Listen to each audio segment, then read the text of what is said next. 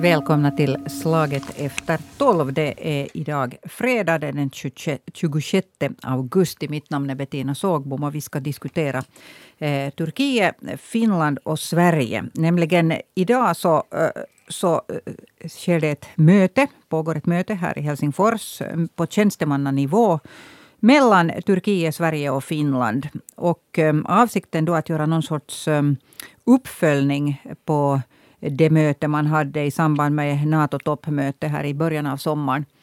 Och ehm, diskutera det här medlemsansökningarna till NATO som, som Sverige och Finland då har lämnat in. Och med för att diskutera det här idag, eh, försöka reda ut här hurdana förhandlingar vi har att vänta oss och vad de eventuellt kan leda till. Eh, med oss för att diskutera här i studion minister Per Stenbeck. Välkommen. Tack. Du är också eh, grundare och ordförande för det nya utrikespolitiska samfundet. Och, och, jag vet att ni kommer, att ha, ni kommer att ha ett specialmöte med Turkiet som tema den 8 september. Det stämmer, jo. Mm. Eh, vi kan gå in lite på det också senare här idag. Eh, med mig också på distans har jag Turkiet-experten, journalisten Tom Kankkonen. Välkommen. Tack, tack. Det där, om, jag, om jag börjar eh, med en sån här... Det har betonats nu här i, i nyheterna och i all, all, information som har kommit ut om det här mötet att det sker på tjänstemannanivå. Vad har det för sån här betydelse att på vilken nivå mötet sker? Det är en grundläggande fråga. Varför är det eh, någonting vi betonar? Per Stenbeck. Det betyder framför allt det att det inte kommer att lösas idag. Eh, för att det löses på politisk nivå mm. på ganska hög nivå, kanske på den högsta eller sannolikt på den allra högsta, alltså mellan Erdogan och, och våra statsministrar, vår president och, och, Sveriges statsminister.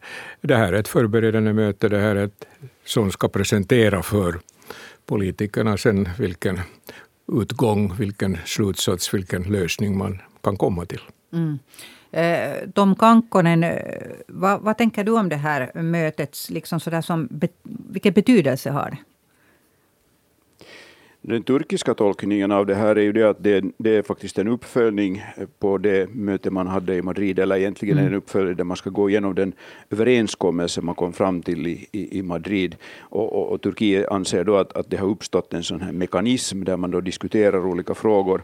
Och om man tittar på de människor som kommer från Turkiet så är det ju ganska intressant. Där finns till exempel med tjänstemän från justitieministeriet och det handlar om de här utlämningsfrågorna. Och så finns det också tydligen företrädare för den turkiska underrättelsetjänsten MIT och, och, och, och turkarna har i förväg sagt att de ska, de ska då hämta ett dokument på 350 sidor som, som bland annat bevisar att de syriska kurderna är en, en del av PKK. Det är ju en av de här stora, stora sakerna som Turkiet hela tiden lyfter fram, alltså Kurdistans arbetarparti PKK och säger att Finland och Sverige skyddar bland annat de terroristerna.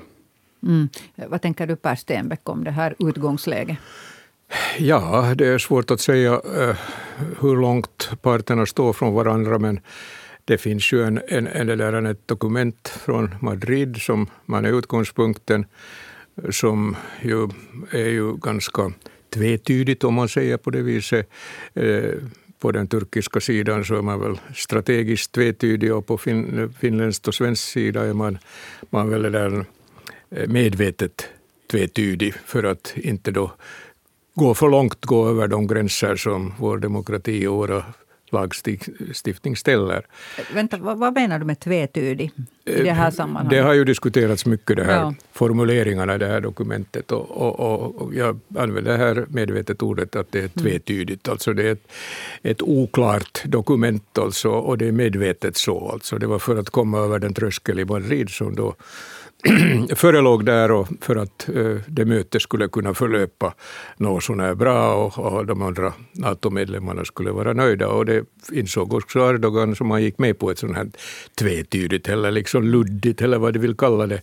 Eh, det eh, är inte en, en utgångspunkt för att om man verkställa det här exakt, för det går inte att verkställa exakt. Mm. Utan, och det visar ju redan det att Turkiet och Erdogan omedelbart efteråt kom med sin egen tolkning. En tolkning exakt. som inte då det där vi i Finland och Sverige håller med om. Då kan man ju fråga sig om det har någon betydelse överhuvudtaget. Det. Visst har det betydelse mm. som sådant, för det gick ett steg framåt i alla fall, den här processen, som kommer att ha sin gilla gång.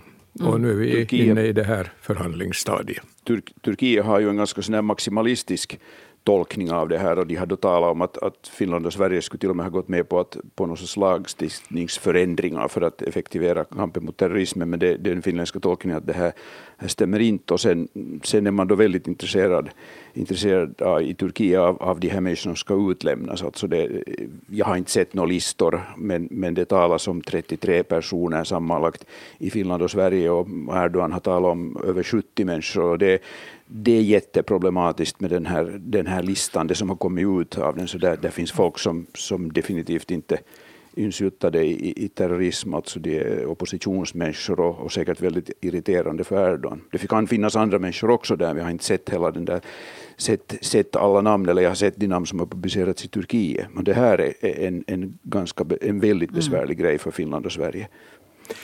Den, eh, ska vi säga den essentiella, den, den verkliga oenigheten beror ju på att, att i de här centrala begreppen, värderingarna, så finns det olika tolkningar. Värde, eh, Turkiet tolkar rättssamhälle på ett sätt, eh, eh, demokrati på ett sätt och vi på ett annat sätt.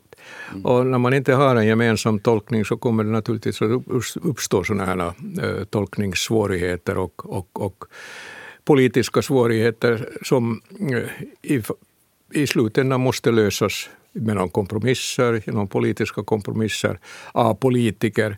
Det går inte att lösa på tjänstemannanivå egentligen, för att om tjänstemännen följer den turkiska sin doktrin och vi följer vår så kommer man inte så mycket längre. Men här kommer vi ju in på diplomatins eh, fantastiska det här område. Alltså, eh, för, en, för en vanlig dödlig som inte är diplomat så, så förefaller det ju som Eh, jättesvårt det här att om, du ens, om värdegrunden och hela doktrinen skiljer sig så markant från varandra, hur, hur gör man det här arbetet? Man närmar sig varandra. Hur, hur går det till? Ja, diplomatin är ju det möjligas konst, sägs mm. det. Och, och, och, det finns många utvägar. Vi såg en utväg i Madrid. Man skapade ett dokument som alla kunde komma överens om, men som man sen tolkade olika. Och det slutliga eh, avtalet, eller vad vi ska kalla det, så kommer vi vara lite liknande. Att, att det där, eh, man kommer överens om vissa konkreta saker och sen är det mera deklamatoriskt, mera att, att Erdogan kommer att kunna förklara eh, i sin valkampanj i Turkiet att, att han vann en stor seger. Men det kommer att vara en, en, en oratorisk, verbal liksom, övning som inte sen motsvaras av, av, av handling. Vad skulle här, du sa att, att man kommer överens om vissa äh, konkreta saker. Vad skulle de här konkreta, vissa konkreta sakerna kunna vara? No, nu sitter jag inte inne med, med mm. fakta här, utan att, att det där, vi kan bara gissa tillsammans med Tom här vad, mm. vad det kunde vara. Eh, den här mekanismen kommer säkert att fortsätta. Eh, och, och sen finns det olika element som har, har, har det där spökat i offentligheten. Det sägs ju till exempel då att, att de svenska lånegarantierna för ett järnvägsbygge i, i, i det, Visserligen gjordes det här garantibeslutet eller det här processen sattes igång redan senaste år så att svenskarna förnekar att det har någonting med det här avtalet att göra. Mm. Men alltså i bakgrunden kan finnas ett ekonomiskt intresse.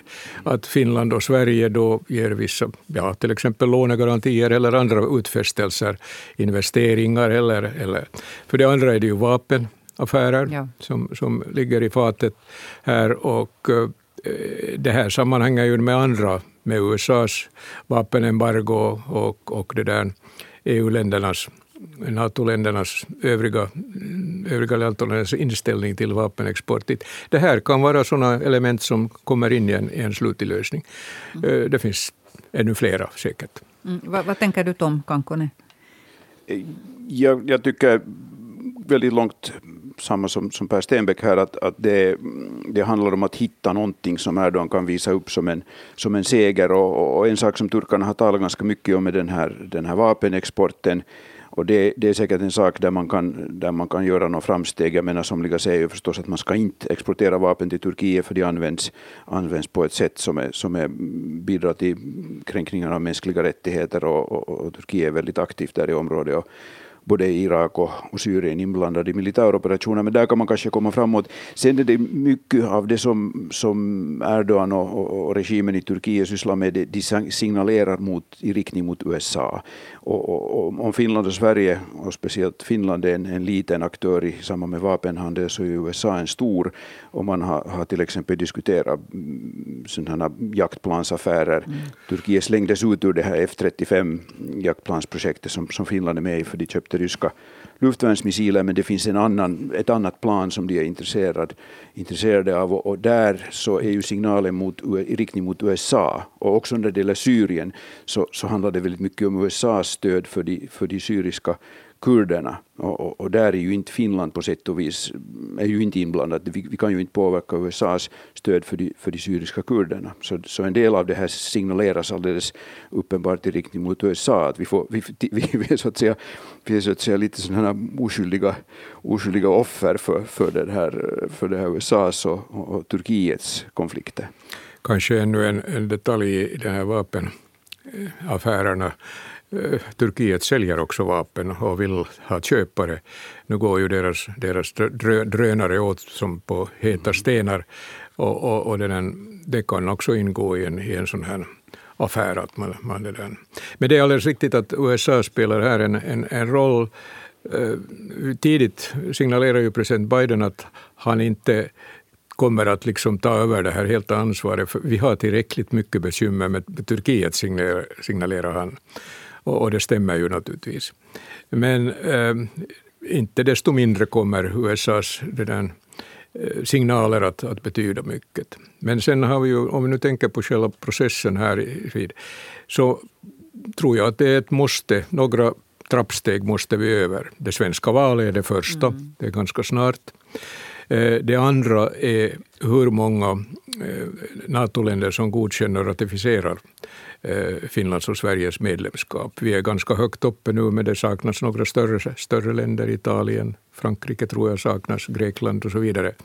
Eh, så att eh, det måste liksom komma. Turkiet måste bli ganska ensam på slutet.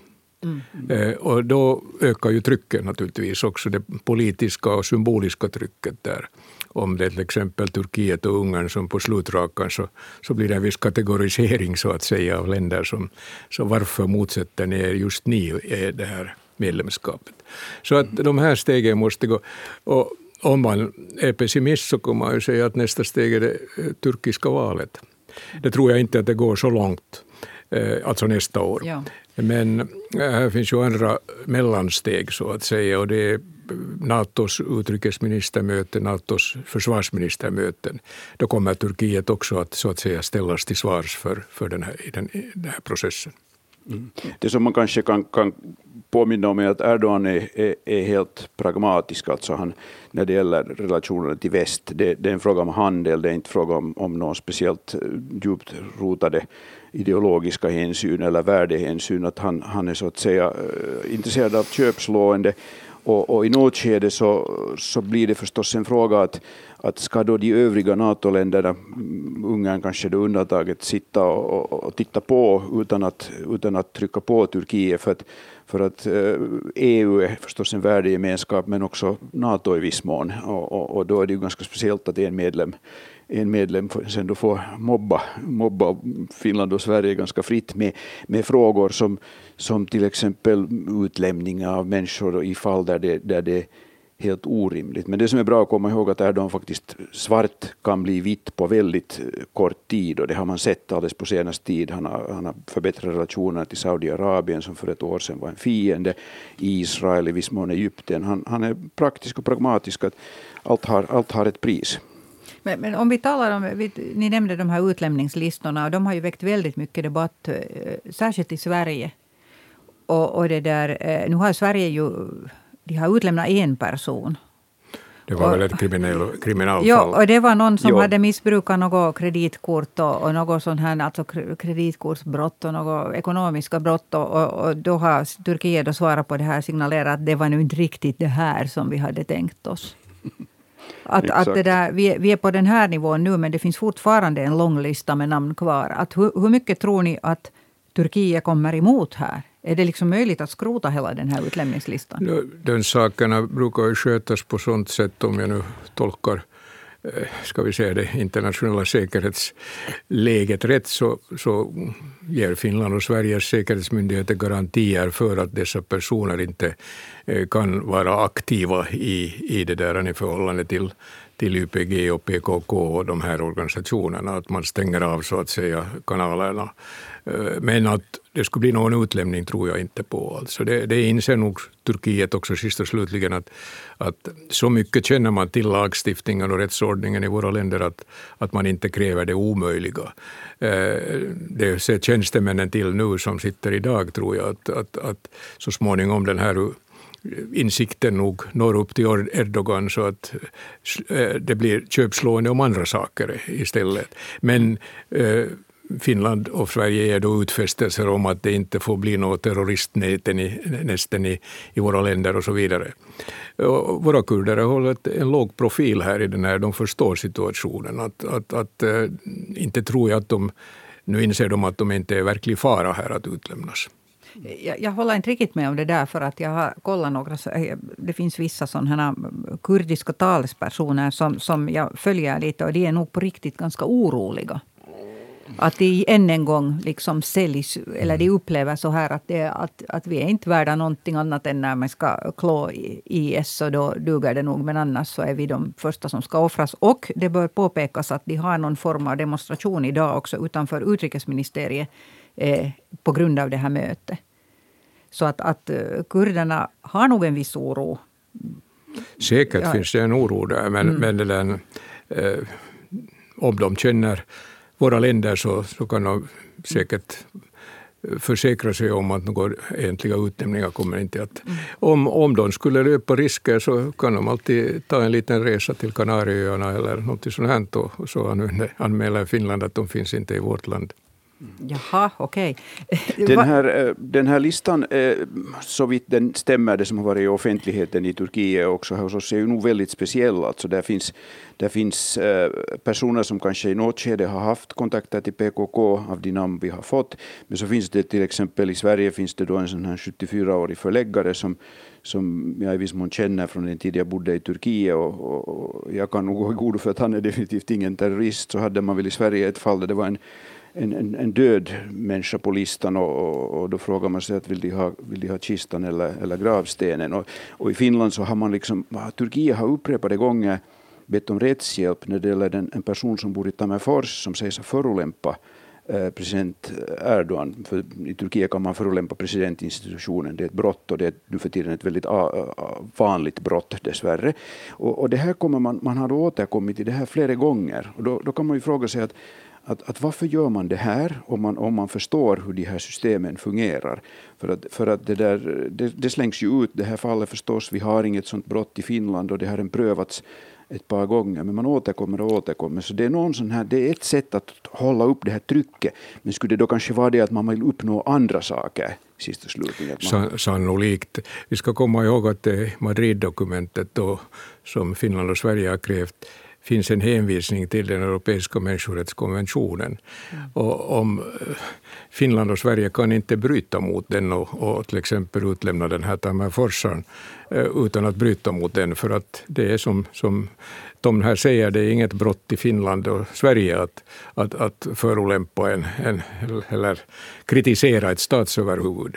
Eh, så att, att det, det duger inte helt enkelt. Och det här är nu en process som, som man måste traggla sig igenom eh, innan de här sakerna så småningom droppas från och det kommer då de här reella sakerna, det som Turkiet eh, förstår att det kan få ut av den här processen. Och jag tror det är mera på ekonomi och vapen.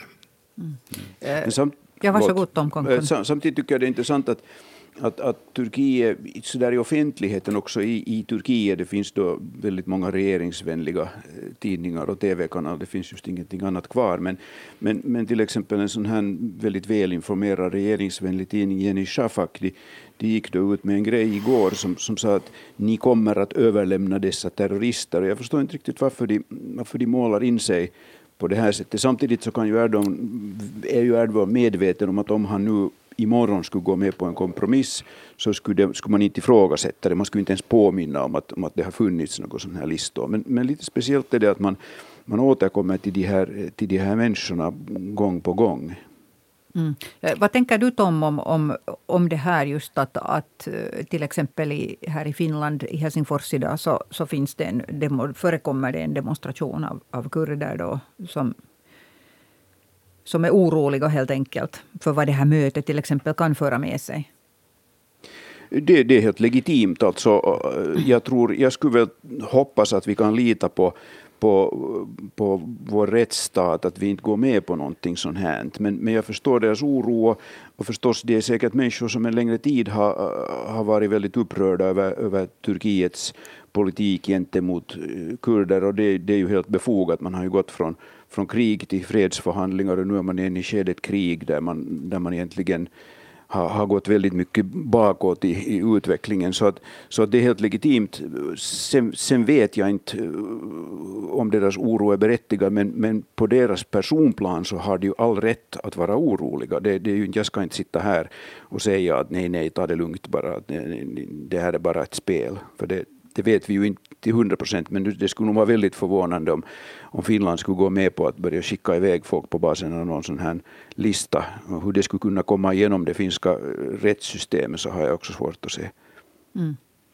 No, eh, vad tänker ni? Jag funderar så här att, att nu har det gjort, förekommit olika gissningar om att, att när kan Sverige och Finland tänkas bli då fullvärdiga medlemmar i Nato. Det har gissats på på vid årsskiftet. Någon optimist sa till och med här ännu under hösten. Eh, vad tror ni, hur mycket bromsar nu Turkiet på det här? Ja, jag tror att, att den här frågan har lite minskat i betydelse. Med, eh, låt den här processen gå, det är inte så stor skillnad. Vi har en stor, stor majoritet av, av NATO-länderna som har ratificerat och ännu kommer det att komma till när, när parlamenten öppnas i, i flera länder. Eh, det finns ingen brådska mera egentligen, på det viset att att eh, eh, vi vet att, att Ryssland inte har reagerat på, på våra NATO-medlemskap och våra kommande partners inom NATO har visat det där en, en betydande ska vi säga, vilja att, att, att fylla upp den här väntetiden med olika manövrar och olika utfästelser och olika löften. Eh, så att eh, på något sätt så tycker jag att, att, att den här, det här urgröper också den här turkiska ska vi säga, eh, kortet, att, att deras möjligheter att utöva den här utpressningen och, och, och föra den allt för långt utan den förlorar hela tiden i betydelse på sätt och vis. Det är inte så noga att vi blir medlem i, imorgon. Det är inte brännande så att säga, utan vi får ta den tid det behövs och, och en, det är en sakta pyrande eld under, under, under turkiska eh, ska jag säga, helarna också. Att, att, att, eh, det här är ju ett argument det här med, som man använder eh, det här terroristargumentet. Mm. Det kan bara användas en gång, det kan inte användas i, i det oändliga. Utan om man säger att det här är lösningen på det terroristproblemet och något andra finns inte, så hur länge kan man hålla på med det här? Så att vi får vänta ut Turkiet också och, och visa det där eh, orientaliska tålamodet så att säga i basaren, eh, där, där förhandlingarna pågår. De drar ut och, och avgörande är priset sist och slutligen. Jag har hört ordet di, eh, basardiplomati användas flera gånger då det, då det gäller Turkiets sätt att förhandla. Men vad, vad tänker du Tom Kankkonen om det här bromstaktiken? Att vad kan den föra med sig? Mm.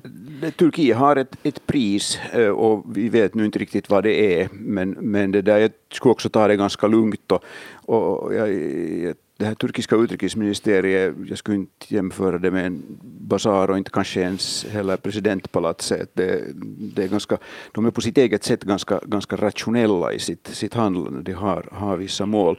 Men, men det gäller Turkiet så det är ju Erdogan och hans närmaste krets som avgör det här. Formellt så måste det gå genom parlamentet och, och, och det, det, parlamentet i Turkiet är på, på sommarpaus, lång sommar till början av oktober. Så, så det där, där händer nog ingenting före det. Och, och någon gång kanske nästa år, men, men jag är helt av samma åsikt som, som Per Stenbeck här. att att, att jag tycker inte att läget spe, ser speciellt alarmerande ut för vår del. Vi, är, vi egentligen åtnjuter antagligen redan i viss mån ett, ett, ett skydd från, från vissa NATO-länder. Men, men, för att precisera här, så det som, som eh, i folkmun diskuteras så här som det kan uppfattas av för folk som inte kanske är insatta i det här systemet av, av diplomati kan tänka så här att turkarna vill på riktigt inte ha oss i Nato. Men ni menar att det finns ingen sån uppriktig vilja där vad skulle vara deras mm. eget intresse i det? Det, det? det, är mycket svårt att komma på ett, liksom ett, ett, ett slutligt motiv varför de vill, skulle vilja bromsa. Mm. Eh, dessutom så det skulle ju för, försvåra deras sits överhuvudtaget mm. med vapenexport och köp och sånt här till andra länder. Det skulle försvåra relationerna till så viktiga, för dem viktiga länder som USA, Frankrike, Storbritannien och så vidare, som är viktigare än vi. Så att det, det, kan inte, det finns inte ett rationellt motiv. Det är fråga om att, att använda den här eh, sårbarheten som systemet ger dem. Det är att Nato, liksom EU, kräver enighet, total enighet i vissa avgöranden. Och då såg man en chans här, att, att den här, vi griper den här chansen för att eh, liksom, eh, få våra, våra intressen tillgodosedda. Så att eh, det är en inte en bluff skulle jag inte kalla det, utan det är, som Tom säger, det är en eh, rationellt övervägande. Här, här kan man få ett pris för att vara med om det hela. Men, men om vi talar, jag tar fast på ordet sårbarhet som du använde här just Per Stenbeck. Jag tänker så här att däremot finns det en viss sårbarhet nog i, i våra länder. Som vi, vi såg en regeringskris i, i Sverige till exempel, då en um, väldigt avgörande uh, röst eller uh, behövdes Mm. nu kommer jag inte ihåg namnet på henne, men, men eh, just på grund av den här kurdfrågan och den här listan och, och det här med att komma emot eh, Turkiet i förhandlingarna och, och det här då när, när, när den här sorglustiga uh, som många av oss inte ens förstår, den regeringskris som då uppstod här på, var det inte under våren.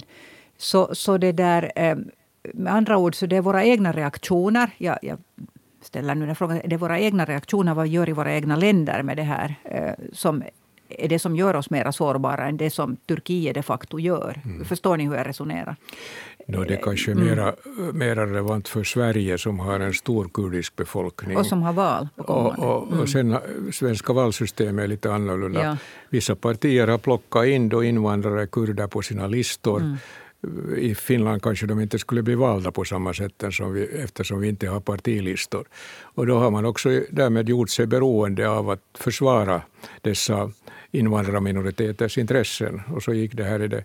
Den kurdiska problematiken kommer ju inte att lösas nu, men den är, kommer att kvarstå. Mm. Att, att, äh, det är ju en mycket tragisk historia som kurderna liksom har fått uppleva och, de såg sin chans här i Sverige till exempel att, att fälla ett avgörande där.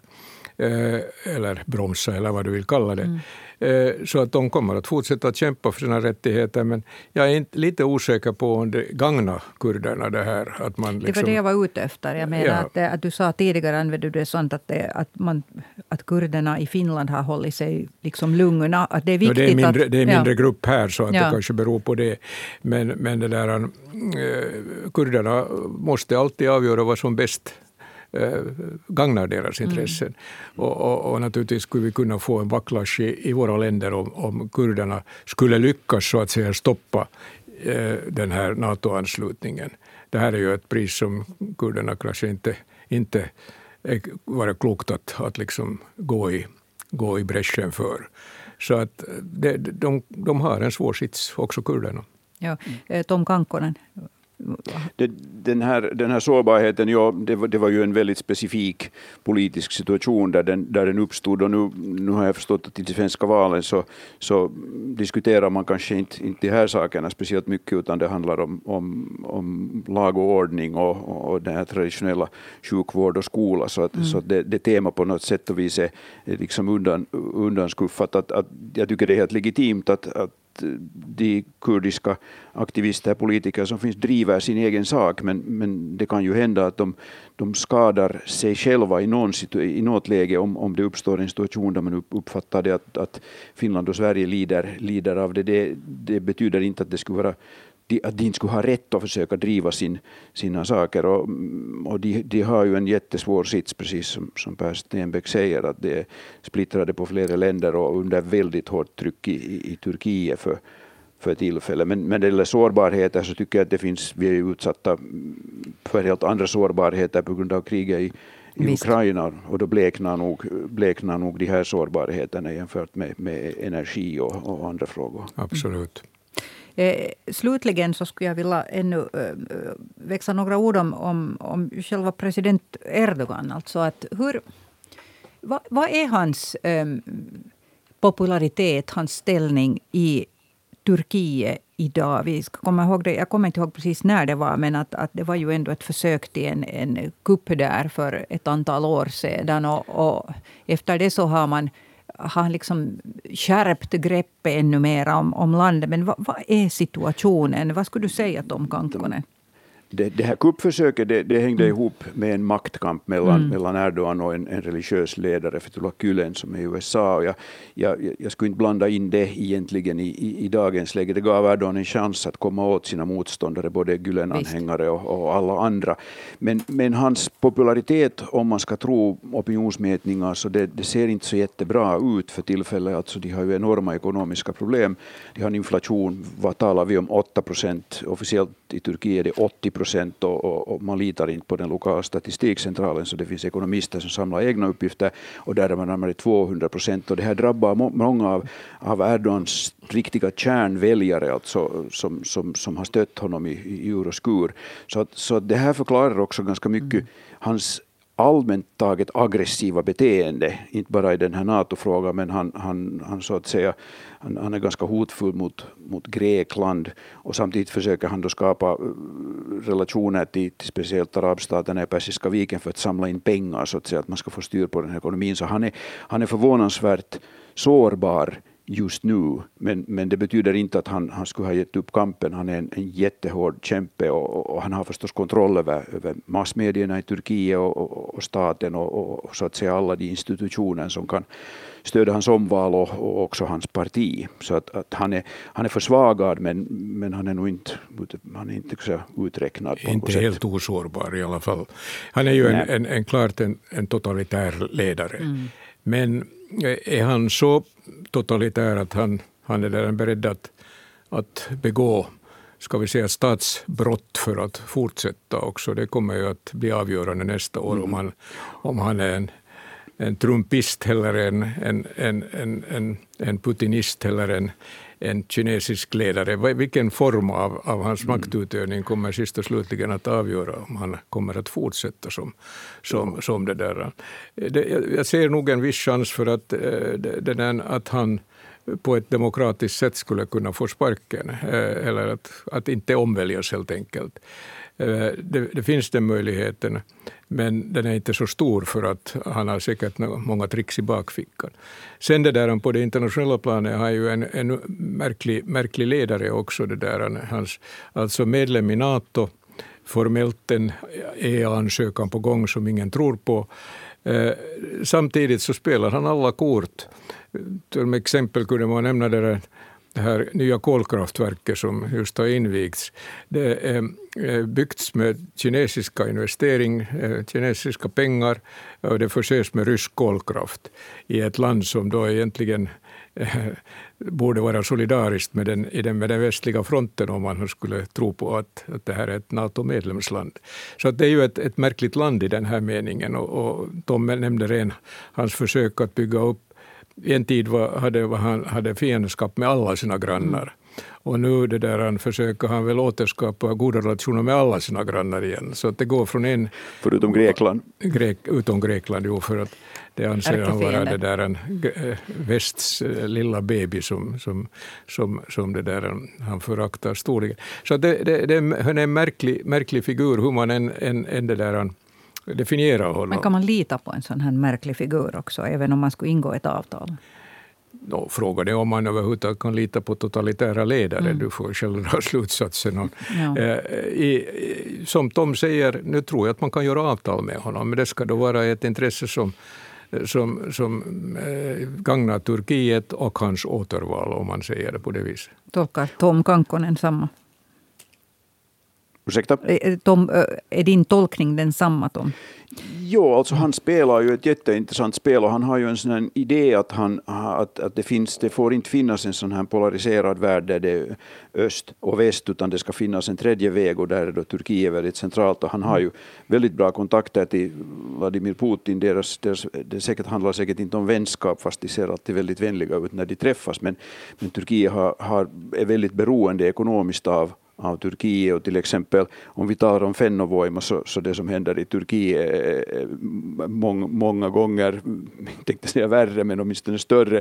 Man bygger en, en, en enorm, ett enormt kärnkraftverk vid, vid Medelhavskusten och det är Rosatom som bygger det och Rosatom ska till och med äga det när det är färdigt åtminstone en, en tid. Så han, han försöker spela, samtidigt så förstås försöker han ju också visa upp en konstruktiv roll i samband med Ukraina och han, han var i Ukraina och sa att Turkiet står, står vid Ukrainas sida, men, men före det hade han träffat Putin i snabb takt eh, två gånger. Så, att, så att det, det är ett spännande spel och, och, när man balanserar på det där sättet så finns det ju alltid en risk att man, man sen kanske ramlar ner från det som man balanserar på. Men tills vidare har han klarat sig bra.